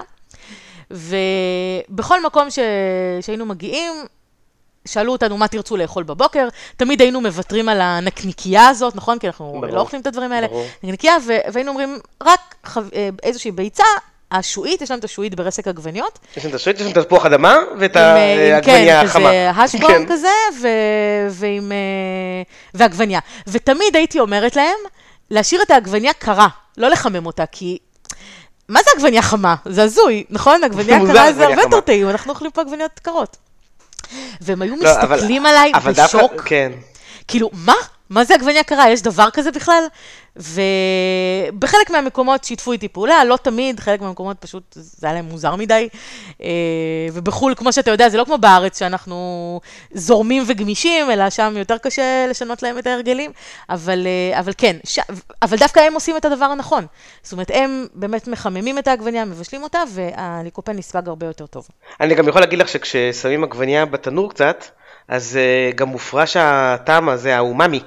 וזה מוסיף הרבה לאוכל כשאת uh, עושה את האוכל עם עגבניה שנצלתה. עכשיו כמובן לא לצלות יותר מדי, כי מהבעיה שאמרת מקודם, אבל, אבל, אבל כן, כש- כשהעגבניה היא ככה, היא מפרישה יותר טעמים. אז אולי בגלל זה כשאני עושה בולונז ועופה אותו בתנור איזה שעה, במקום רק על האש, אז אה, זה נהיה יותר כן, טעים? אז, כן, זה בדיוק זה. מעניין. כי, כן, חשבתי שזה פשוט מאחד את הרוטב יותר טוב, אבל יכול להיות שזה באמת אה, הפרשת הטעמים. זה גם וגם.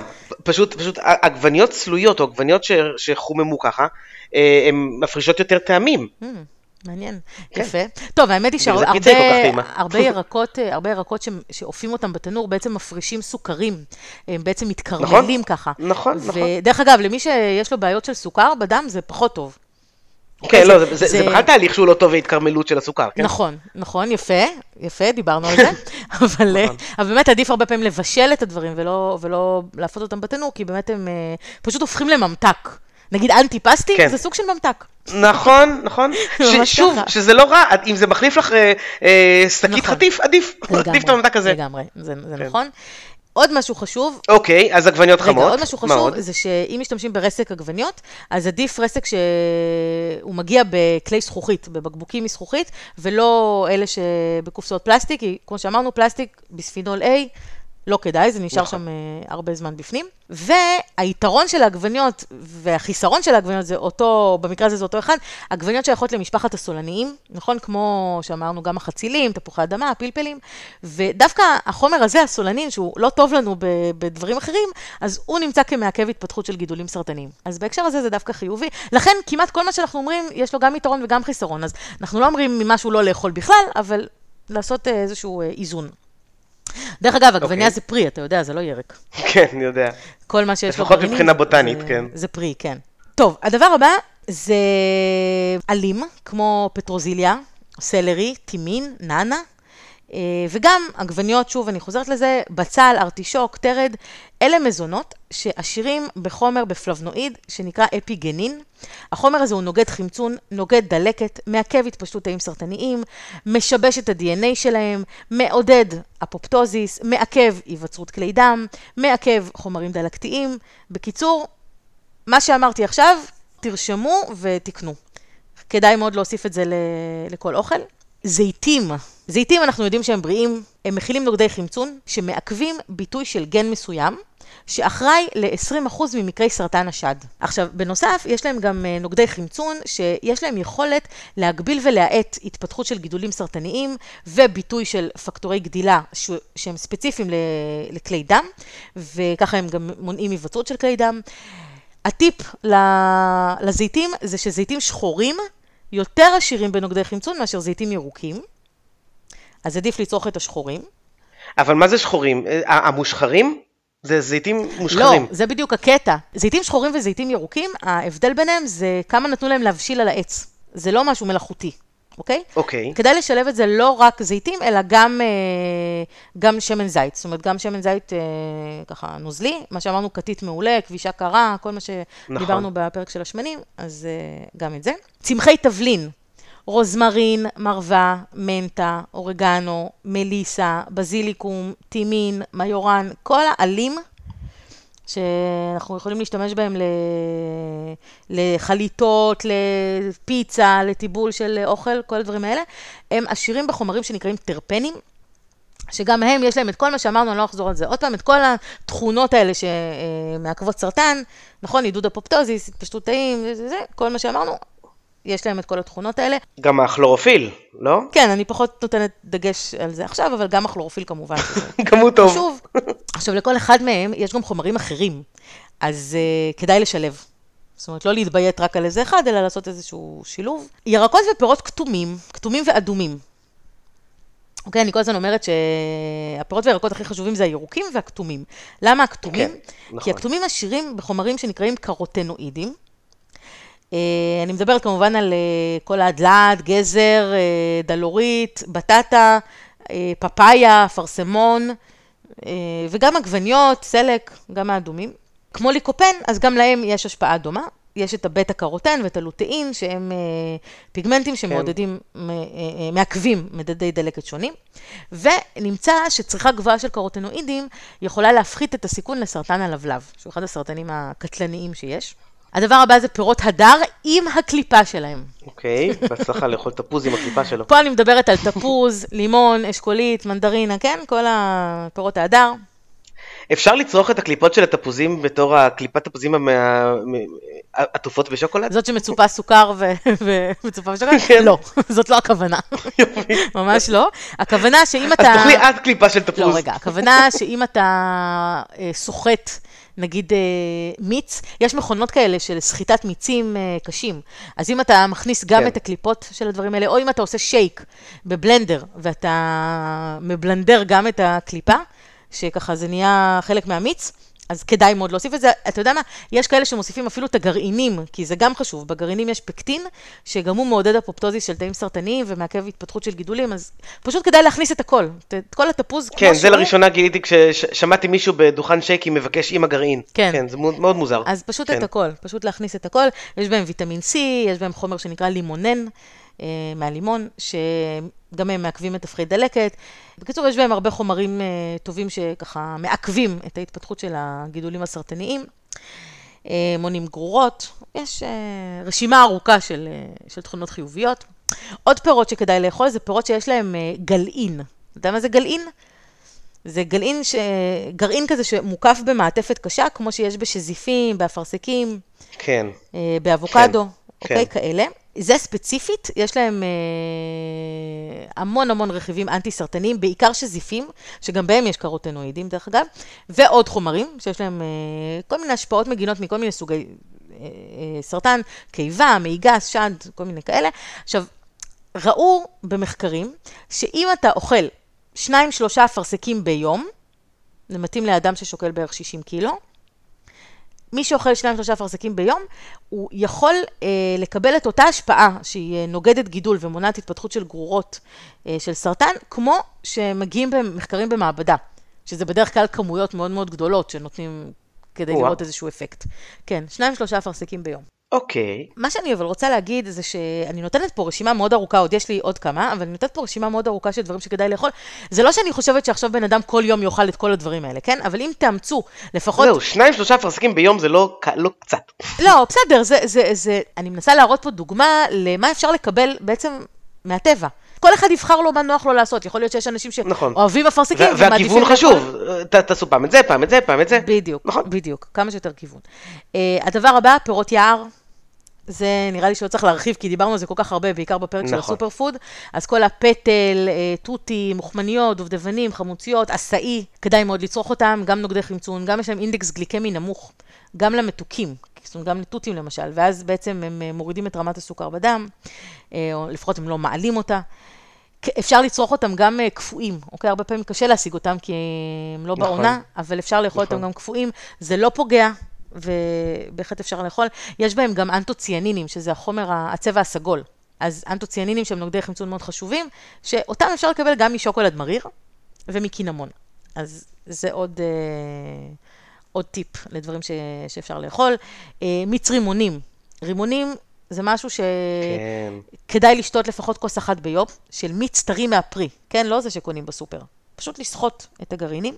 אפשר לעשות חמישה פרקים רק על כל מה שטוב ברימון. אני לא אעשה את זה, אני רק וואו. אגיד שמאוד מאוד כדאי. דרך אגב, הבת שלי מאוד אוהבת לאכול גרעיני רימון. ואני יכולה להגיד לך שעכשיו בחופש, כשהיינו כמה ימים בחו"ל וככה היינו במטוס, אז ילדים סביבנו נשנשו כל מיני חטיפים. הבת שלי ישבה עם קופסה של גרעיני רימון, וזה מה שהיא נשנשה. איזה כן, יש לי מגניב. אפילו תמונה, אני, כן, אני אעלה את זה. לפייסבוק. זה ממש מגניב, פשוט, והיא מתה על זה. אני כל פעם מוציאה לה מחצי רימון את הגרעינים, והיא יושבת איזה כן. שעה וככה אוכלת אותם, וזה פשוט... אפשר לעשות עוד חמישה פרקים על איך מוציאים גרעינים של רימון מרימון. האמת שזה לא כזה. מסובך. זה ממש, אני גם הייתי בטוחה שזה מסובך, זה לא. לא, יש אסכולות. אסכולות? יש אסכולות. יש אה, פטיש על ה... לא, לא, אני, אני, אני עושה את זה כמו פומלה. זה קצת כמו פומלה, כי צריך להפריד את הלבנים שביניהם, ו... אבל נכון, אז בגלל זה אני אומר, יש, יש את הגישה של להכות עם פטיש על, כן. רי- על חצי רימון, ואז את לא צריכה להפריד, זה יוצא מופרד. זה גם יוצא. מיץ, לא, אבל זה יוצא מופרד. אני עושה את זה מיד, וזה יוצא מצוין, ו... אוקיי. זה אחלה. ענבים אדומים, שוב, אנחנו חוזרים לצבע האדום, לאנטוציאנינים. בקליפות של הענבים האדומים יש הרבה רכיבים שהם אה, עוזרים לתווך את הדלקת, משפיעים בצורה אנטי-סרטנית, מעכבים התפתחות של תאים סרטניים, מעכבים שליחה של גרורות, מעכבים היווצרות של כלי דם. זה נכון לגבי יין אדום, אוקיי? שיש בו ריכוז גבוה של נוגדי חמצון, של פוליפנולים. למרות שאני לא אומרת פה לשתות עכשיו הרבה יין, כן? כדאי להגביל את זה לכוס יין אדום אחת ביום. אם אנחנו צורכים יותר אלכוהול, אז זה יכול להגביר דווקא את הסיכון לסוגי סרטן שונים. עדיף לא יותר מדי, למרות שזה בעיקר נכון לגבי בירה וליקרים ואלכוהול מהסוג הזה, לא, לא בדיוק יין, אבל עדיין, לא כדאי יותר מדי. כוס אחת של יין אדום ביום זה מצוין. אגוזים. אגוזים, הכוונה לכל סוגי האגוזים, אגוזי מלך, אגוזי לוז, מקדמיה, קשיו, פקנים, שקדים, מה שבא לכם. הם מאוד עשירים בחומצות שומן, יש להם יחס טוב של אה, אומגה 3 ו-6, מה שדיברנו, וגם להם יש את כל התכונות שפירטנו נגד סרטן, אז, אז כדאי, והם גם נותנים לנו אנרגיה ממקור של שומן ולא ממקור של סוכר, אוקיי? ולכן אה, אנחנו לא רוצים סוכר כי זה בעצם עוזר לתאים הסרטניים, זה מזין אותם. אנחנו רוצים כמה שפחות סוכר להכניס ולקבל אנרגיה ממקורות אחרים. אז אגוזים זה מקור טוב של אנרגיה משומן. סויה, עשינו פרק שלם על סויה. אז אני לא אחזור עכשיו על הכל, נכון. אבל סויה מכילה פיטואסטרוגנים, נכון. זה עוזר לנו להילחם בעיקר בסרטנים הורמונליים. כדאי מאוד לצרוך לפחות חצי כוס של אדממה מפולי סויה, אה, טופו, הסויה שהיא לא מעובדת, כן? הסויה יותר טבעית. יש לנו ג'ינג'ר, שהוא נחשב צמח מרפא, הוא נוגד דלקת, נוגד חמצון, יש לו השפעה נוגדת סרטן, ומה שעוד הוא עושה, הוא, יש לו יכולת להפחית בחילות, שהן תוצאה של טיפולי כימותרפיה והקרנות. אוקיי, אז אם דיברנו על אה, לעזור לאנשים לעבור את הטיפולים האלה יותר טוב, ג'ינג'ר זה אחת האפשרויות. אנחנו מגיעים אוטוטו לסוף. תה ירוק. תה ירוק מכיל נוגדי חמצון, אה, שאנחנו כבר מכירים מהפרסומות גם, בשם EGCG. תקשרו את זה די הרבה. נכון. יש לו כן. השפעה שהיא נוגדת אנגיוגנזיס, היווצרות כלי דם מאוד עוצמתית. הוא גורם לאפופטוזיס לתאים סרטניים, הוא עוצר את התחלקות התא. אה, הוא יכול לעצור התפשטות של גידול לרקמות. בקיצור, הוא עושה הרבה דברים טובים. בתה שחור הוא נהרס. זאת אומרת, בתהליך שהם מפיקים את התה השחור, כן, אין אותו, 아, אה, אבל בתה הירוק יש אותו בכמות גדולה. אם אנחנו הולכים על תה ירוק אה, מסוג מאצ'ה, למשל, אז יש בו הרבה יותר אה, את החומר הזה, את ה-EGCG, מתה ירוק רגיל. קורקום. אי אפשר בלי קורקום, קורקום זה נפלא, כן. יש בו אה, רכיב מאוד מפורסם שנקרא קורקומין, שהוא נוגד דלקת מאוד מאוד עוצמתי, הוא מעכב חומרים פרו-דלקתיים. אה, גם הוא עושה את כל הדברים שדיברנו עליהם. בנוסף, מצאו במחקרים שקורקום יכול לשפר את הרגישות של התאים לכימותרפיה בסוגי סרטן מסוימים. אז כדאי להוסיף אותו גם כשעושים טיפול קונבנציונלי. כדאי להוסיף אה, את הקורקומין. והוא גם עוזר לסייע לכל מיני תופעות לוואי שנגרמות כתוצאה מהמחלה או מהטיפול התרופתי. למשל, כש, כשנותנים טיפול, אז יש אה, זיהומים פטרייתיים. כי בעצם אנחנו הרבה פעמים מדכאים את מערכת החיסון, ויש פטריות, זה נקרא פטריות אופורטוניסטיות, שבעצם אה, ברגע שמערכת החיסון מושבתת, אז אה, מתחילות להשתלט, מתחילות להתרבות ולהשתלט, זה סיבוך של מחלת סרטן, וזה יכול גם לגרום למוות. אז אה, זה למשל משהו שקורקומין יכול לעזור, כי הוא אנטי-פטרייתי, אז הוא יכול... הוא יכול בעצם לאזן את, המצב הזה. הוא עוזר למנוע נזק לכבד, בגלל שהוא נוגד חמצון. בקיצור, מאוד מאוד כדאי. מה שכן, כשאוכלים קורקום רגיל, אז הזמינות הביולוגית של קורקומין היא מאוד נמוכה. זאת אומרת, לא, לא הרבה נספג, וכדי לשפר את, ה, את הספיגה, אז כדאי להוסיף אה, פיפרין, שזה פלפל שחור בעצם. אז תעשו לכם ארוחה של אה, שורש קורקום מתובל בפלפל שחור, אה, או שפשוט תיקחו כמוסות שמכילות קורקומין יחד עם פיפרין, וזה תרופה אנטי-דלקתית סופר. הדבר האחרון שכדאי לאכול וכבר הזכרתי אותו לפני זה, זה קקאו ושוקולד מריר, שכשאני אומרת שוקולד מריר אני מדברת על לפחות 70 אחוז מוצקי קקאו ומעלה, שזה דרך אגב אין סיכוי שתמצא אותי אוכלת, כי אני לא מסוגלת להתמודד עם, ה... עם הטעם המר של כן, הדבר הזה. כן, זה בלתי אכיל. לחלוטין, אבל יש אנשים שאוהבים את זה. נגיד בעלי חולה על זה, הוא אוכל רק את זה, הוא לא, לא אוכל פחות מזה. גם בהם יש נוגדי דלקת וחומרים שמעכבים את התפתחות הגידול הסרטני. כדאי לאכול באופן קבוע איזה פעמיים שלוש בשבוע, לא הרבה, 20 גרם של שוקולד מריר או קקאו, ומי שאוהב שוקולד, אז uh, הנה, זה... זה כדאי. עכשיו, מה לא כדאי לאכול לפני סיום?